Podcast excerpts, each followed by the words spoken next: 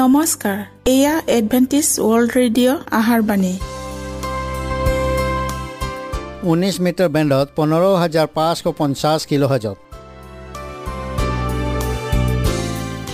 Adventist world radio যোগে অসমীয়া ভাষাত প্ৰচাৰিত আহাৰবাণী প্ৰত্যেক বুধবাৰ আৰু দেওবাৰ সন্ধিয়া সাত বজাত আহাৰবাণী শুনাৰ পিছত আপোনালোকৰ কিবা মন্তব্য আৰু প্ৰশ্ন থাকিলে আমালৈ এই ঠিকনাত লিখক। আমাৰ ঠিকনাটি হৈছে Adventist world radio' seven day Adventist মণ্ডলী অসম শাখা লতাকাটা বশিষ্ট গুৱাহাটী সাত আঠ এক শূন্য দুই ন।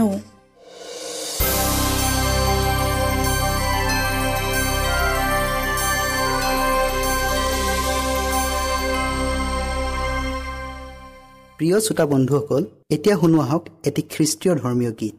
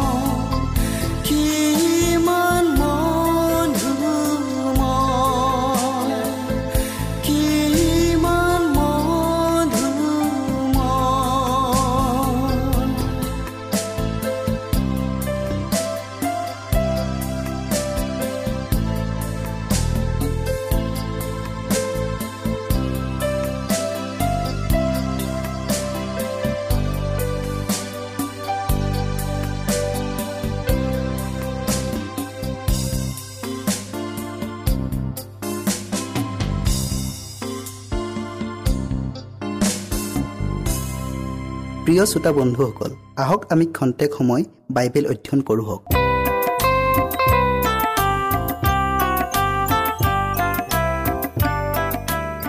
প্ৰিয় শ্ৰোতাসকল নমস্কাৰ।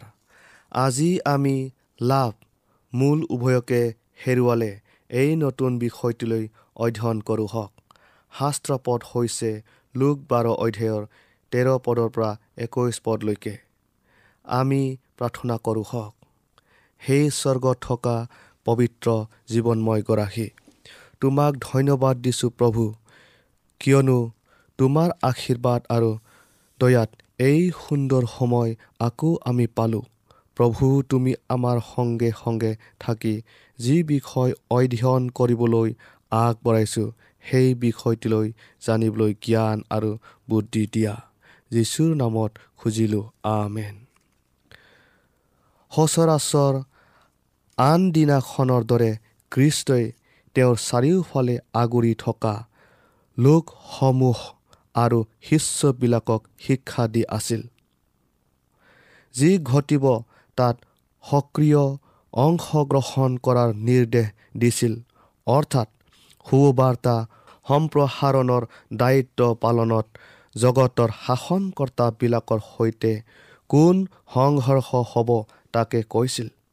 আৰু তেওঁৰ নাম লোৱাৰ কাৰণে বিচাৰালয়বিলাকত দেশাধিপতি ৰজা মহাৰজাৰ আগত বলপূৰ্বক নিয়া হ'ব। কিন্তু খ্ৰীষ্টই তেওঁলোকক আশ্বাস দি কৈছে তোমালোকক এনে কথা কোৱা জ্ঞান দিম যে কোনেও প্ৰতিবাদ কৰিব নোৱাৰিব তেওঁৰ কথাই শুনোতাবিলাকৰ মন স্পৰ্শ কৰিলে আৰু তেওঁৰ প্ৰতি কপট হিংসা আৰু বিৰুদ্ধ ভাৱ পোষণ কৰা শত্ৰুবিলাকৰ মাজত খেলি মেলিৰ সৃষ্টি হ'ল।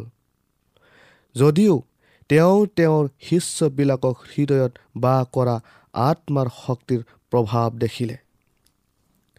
সেই ঠাইত সমবেত হোৱাৰ অনেকে নিস্বাৰ্থ সিদ্ধিৰ অৰ্থে ঐশ্বৰিক অনুগ্ৰহ পোৱাৰ ইচ্ছা কৰিছিল। তেওঁলোকে খ্ৰীষ্টৰ আচৰিত শক্তিৰে সত্যক স্পষ্ট পোহৰলৈ প্ৰকাশ কৰা দেখি তবত মানিছিল। লোকসমূহে খ্ৰীষ্টই তেওঁৰ শিষ্যবিলাকক শাসনকৰ্তা আৰু দেশাধিপতি বিলাকৰ আগত জ্ঞানৰ কথা ক'বলৈ কৰা প্ৰতিজ্ঞা শুনিছিল। এতেকে জাগতিক স্বাৰ্থ পূৰণৰ অৰ্থে তেওঁ অন্য লোকক সেই শক্তি কেতিয়াও প্ৰদান নকৰে। পাছে মানুহবিলাকৰ মাজৰ এজনে তেওঁ ক'লে হে গুৰু পৈতৃক সম্পত্তি মোৰে সৈতে ভগাই ল'বলৈ মোৰ ককায়ক আদেশ দিয়ক। সম্পত্তি স্থানান্তৰৰ বিষয়ে ঈশ্বৰে মচিৰ যোগেদি নিৰ্দেশ দিছে যে বৰ পুত্ৰজনে পৈতৃক সম্পত্তিৰ দুগুণ ভাগ পাব। দ্বিতীয় বিৱৰণৰ ঊনত্ৰিছ অধ্যায়ৰ সত্তৰ পদত চাওক। আন ভায়েকবিলাকে সমান ভাগ পাব। কিন্তু এই মানুহজনে ভাবিলে তেওঁৰ ককায়েক চলঠক কৰি পৈতৃক সম্পত্তি তেওঁৰ পৰা কাঢ়ি নিব খুজিছে। তেওঁ পাবলগীয়াখিনিৰ উপৰিও অধিক পোৱাৰ চেষ্টাত বিফল হোৱাত ভাবিলে যদি খ্ৰীষ্টই এই বিষয়ত হস্তক্ষেপ বা মধ্যস্থ কৰে তেন্তে পৰিণাম নিশ্চয় শুভ হ'ব। কাৰণ তেওঁ যিহুদীবিলাকৰ ব্যৱস্থাদাতা আৰু পৰিচীবিলাকক খ্ৰীষ্টই তেওঁলোকৰ অসামাজিক আৰু অশাস্ত্ৰীয় কাৰ্যকলাপৰ নিমিত্তে মুকলি ভৎসৰ্ণা কৰিছিল। যদি খ্ৰীষ্টই এইদৰে স্পষ্টবাদিতাৰে ককায়েকক আদেশ কৰে তেন্তে ককায়েকে ব্যতীত ব্যক্তিজনৰ ভাগৰ সম্পত্তিৰ পৰা বঞ্চিত কৰাৰ সাহস নকৰিব। খ্ৰীষ্টই মৃদুতাৰে বুজনি দি থকাৰ মাজতে মানুহজনে তেওঁৰ স্বাৰ্থপৰ স্বভাৱ প্ৰকাশ কৰিলে। তেওঁ প্ৰভুৰ সুপৰামৰ্শৰ বাবে চলাক ল'ব লাগিছিল। আত্মিক বিষয়ত মন আৰু হৃদয়ত এধানি মানুহ হয়তো নায়েই। জানিছা সাংসাৰিক বিষয়ত কিবা সকাহ পায়। জাগতিক ধন সম্পত্তি লাভৰ উদ্দেশ্যত তেওঁ সম্পূৰ্ণ মনোনিৱেশ কৰিছিল। গৌৰৱৰ ৰজা যীচু ধনী হৈও আমাৰ কাৰণে দৰিদ্ৰ হ'ল। স্বৰ্গীয় প্ৰেমৰ ভঁৰাল তেওঁলৈ মুকলি কৰি দিয়া হ'ল। সেয়ে পবিত্ৰ আত্মাই সেই সম্পত্তিৰ উত্তৰাধিকাৰী হ'বলৈ আমাক মিনতি কৰি কৈছে। তাত সেইবোৰ ক্ষয় নাপায় আৰু বেয়া হৈ নাযায় অথবা নিস্তেজ নহয়। সেই ব্যক্তিজনে কৃষ্টৰ শক্তি প্ৰত্যক্ষ কৰিছে। সেয়ে তেওঁ এতিয়া মনৰ বাঞ্ছা মহাগুৰুজনাৰ আগত প্ৰকাশ কৰিব পাৰিলেহেঁতেন। কিন্তু বানিয়ানৰ ৰূপক কাহিনীৰ দৰে। গোবৰ খুচৰা জবকা কৰণ মাজত লৈ মাতি লৈ ৰ লাগি চাই থকা মানুহজনৰ দৰে তেওঁৰ মূৰৰ ওপৰত থকা মুকুট দেখা নাপালে। চিমন মায়াবীয়ে জাগতিক লাভালাভৰ আশাত ঈশ্বৰীয় বৰ মূল্যাংকন কৰিছিল। ত্ৰাণকৰ্তাজনাৰ পাৰ্থিৱ পৰিচৰ্যাৰ অভিযানৰ সময় চমু চাপি আহিছিল। তেওঁ আহি তেওঁৰ অনুগ্ৰহৰ ৰাজ্য স্থাপন সম্পূৰ্ণ কৰিবলৈ কেইমাহমান বাকী আছিল। তেনেতে লোভীয়া প্ৰকৃতিৰ মানুহে তেওঁৰ কৰ্তব্যৰ পৰা জাগতিক বিষয়বস্তুলৈ মনোমালিন্য হোৱাৰ বিচাৰক হ'বলৈ তেওঁৰ মন আকৰ্ষণ কৰিলে। কিন্তু যীচুক তেওঁৰ প্ৰকৃত উদ্দেশ্যৰ পৰা মন ঘূৰাব নোৱাৰিলে। বৰং যীশুৱে ক'লে হে বন্ধু তোমালোকৰ ওপৰত মোৰ কোনো বিচাৰকৰ্তা বা ভাগ বাতি দিওঁতা পাতিলে। যীশুৱে মানুহজনক সঠিক কোনটো ক'ব পাৰিলেহেঁতেন? তেওঁ ঘটনাৰ ন্যায়টোত কি জানিছিল? কিন্তু দুয়ো ককাই ভায়েকে লোভীয়া স্বভাৱৰ হোৱা হেতুকে হাই কাজিয়াৰ সৃষ্টি হ'ল। কৃষ্টই সঠিকভাৱে কৈছিল এনে ধৰণৰ বিবাদ নিষ্পত্তি কৰা মোৰ কৰ্তব্য নহয়। তেওঁ অহাৰ অন্য উদ্দেশ্য আছিল ঈশ্বৰৰ বাণী বিলাই মানুহবিলাকক আত্মিক বিষয়ত জাগৃত কৰি অনন্তকালৰ বাস্তৱতাৰ অনুভূতি সৃষ্টি কৰা। এই ঘটনাত খ্ৰীষ্টই যেনে আচৰণ কৰিলে তেওঁৰ নামেৰে পৰিচৰ্যা কৰাবিলাকলৈ এটা শিক্ষাস্বৰূপ হ'ল। তেওঁ বাৰজন শিষ্যক প্ৰেৰণ কৰোঁতে কৈছিল যাওঁতে তোমালোকে ঘোষণা কৰিবা যে স্বৰ্গ ৰাইজ ওচৰ হ'ল। নৰিয়াবিলাকক সুস্থ কৰিবা মৃত্যুবিলাকক তুলিবা কুষ্ঠ ৰোগীবিলাকক সুস্থ কৰিবা আৰু ভূতবিলাকক খেদিবা। তোমালোকে বিনামূল্যে পাইছা বিনামূল্যে দিবা। মঠি দহ অধ্যায়ৰ সাত আৰু আঠ পথ তেওঁলোকে সাংসাৰিক মানুহৰ চিন্তাধাৰাত ব্যাকুল হ'বলৈ নহয় কিন্তু মানুহবিলাকক ধৰ্ম বিশ্বাসত উদগনি দি ঈশ্বৰৰ সৈতে মিলন কৰাই তেওঁলোকৰ কৰ্ম। এই কৰ্মতেই তেওঁলোকৰ মানৱীয় সেৱাৰ গুণ নিহিত হৈ আছে। যদিও মানুহৰ সকলো পাপ আৰু সুখ সন্তাপৰ প্ৰতিকাৰক কেৱল কৃষ্টইহে। একমাত্ৰ তেওঁৰ অনুগ্ৰহৰ শুভ বাৰ্তাইহে সাপগ্ৰস্ত সমাজখনত দুষ্টতাৰ ৰোগ নিৰাময় কৰিব পাৰিব। দুখীয়াৰ প্ৰতি ধনীৰ অবিচাৰ ধনীৰ প্ৰতি দুখীয়াৰ হিংসা বিদ্বেষৰ মূল কাৰণ স্বাৰ্থপৰতা কেৱল খ্ৰীষ্টত বিশ্বাসৰ দ্বাৰাহে এই কুস্বভাৱ নিৰ্মূল কৰিব পাৰি। কেৱল তেওঁৱে স্বাৰ্থপৰ পাপ হৃদয়ক প্ৰেমৰ নৱ হৃদয়লৈ ৰূপান্তৰ কৰিব পাৰে। কৃষ্টই যেনেকৈ মানুহৰ মংগলৰ নিমিত্তে কৰ্ম কৰিলে তেনেকৈ তেওঁৰ দাহবিলাকেও স্বৰ্গৰ প্ৰেৰিত শক্তিৰে সৈতে সুবাৰ্তা প্ৰচাৰ কাৰ্য কৰক।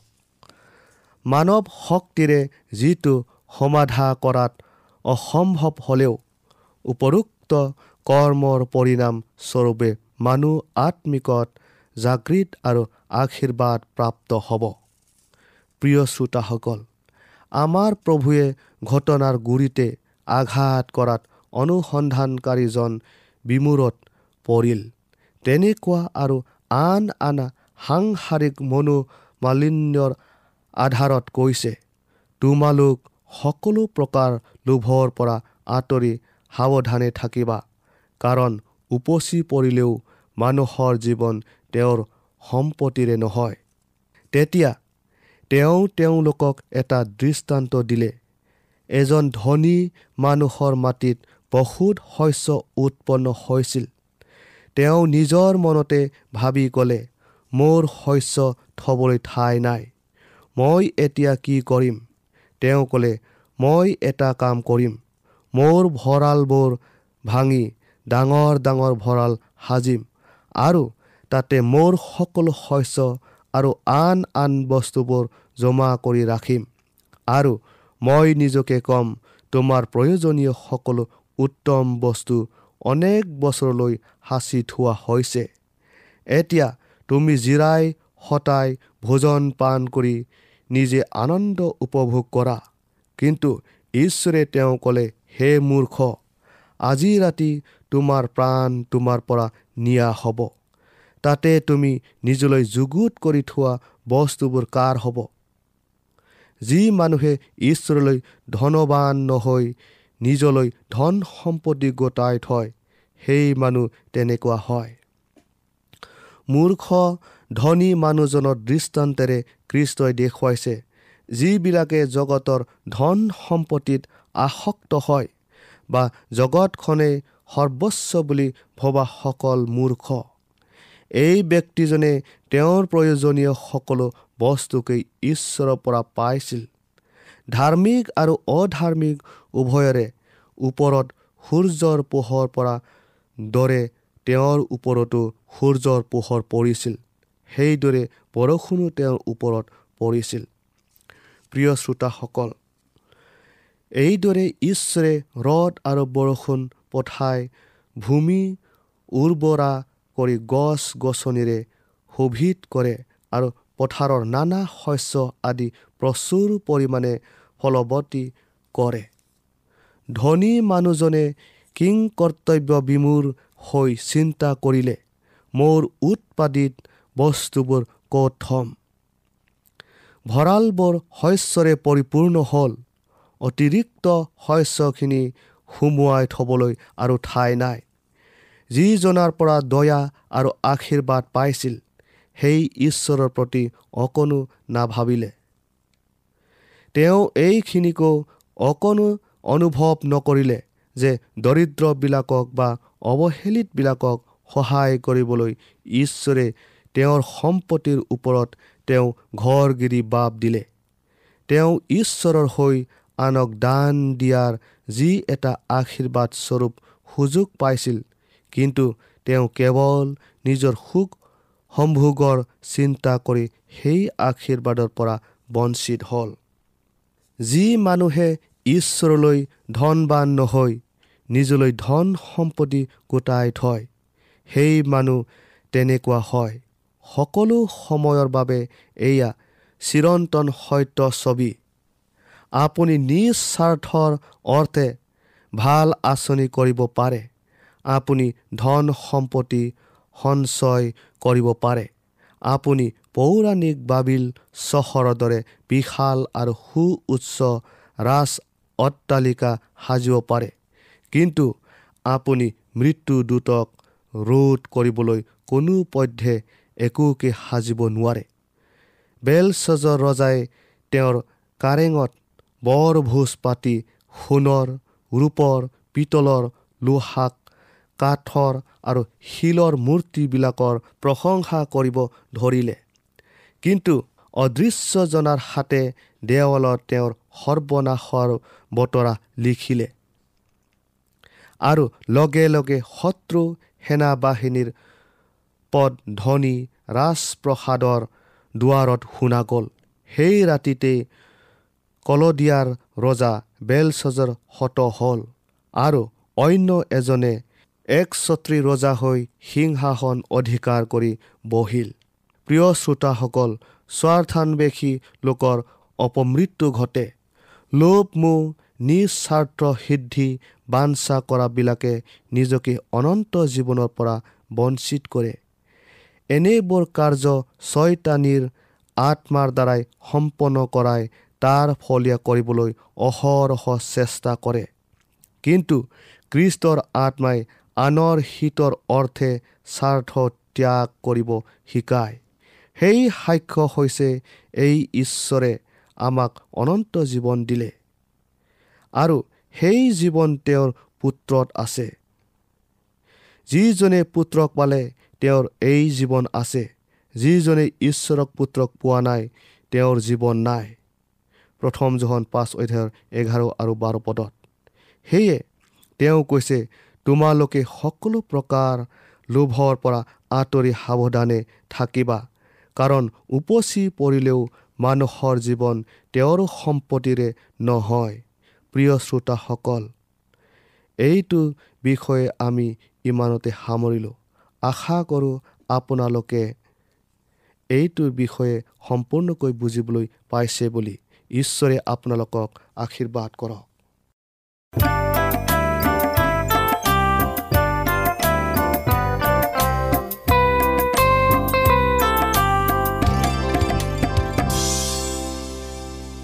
ইমানপৰে আমি বাইবেল অধ্যয়ন কৰিলোঁ এতিয়া আকৌ শুনো আহক এটি খ্ৰীষ্টীয় ধৰ্মীয় গীত।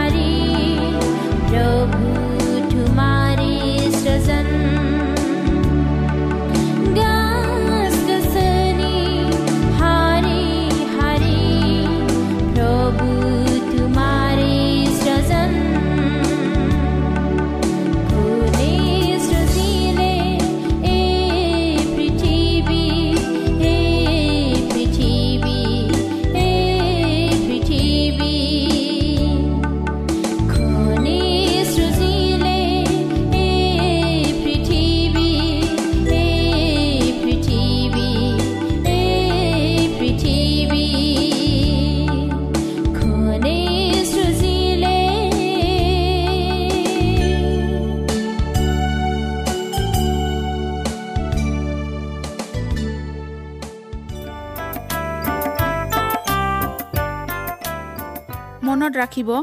আমাৰ ঠিকনাটি পুনৰ কৈ দিছোঁ। Adventist world radio' Assam region of seven day Adventist voice of hope Lotakata Basistha Guwahati seven eight one zero' two nine প্ৰিয় শ্ৰোতা বন্ধুসকল এডভেণ্টিজ ৱৰ্ল্ড ৰেডিঅ' যোগে আহাৰবাণী প্ৰচাৰত আপোনালোকক পুনৰ লগ পোৱাৰ আহাৰে আজিলৈ সামৰিলোঁ। ধন্যবাদ।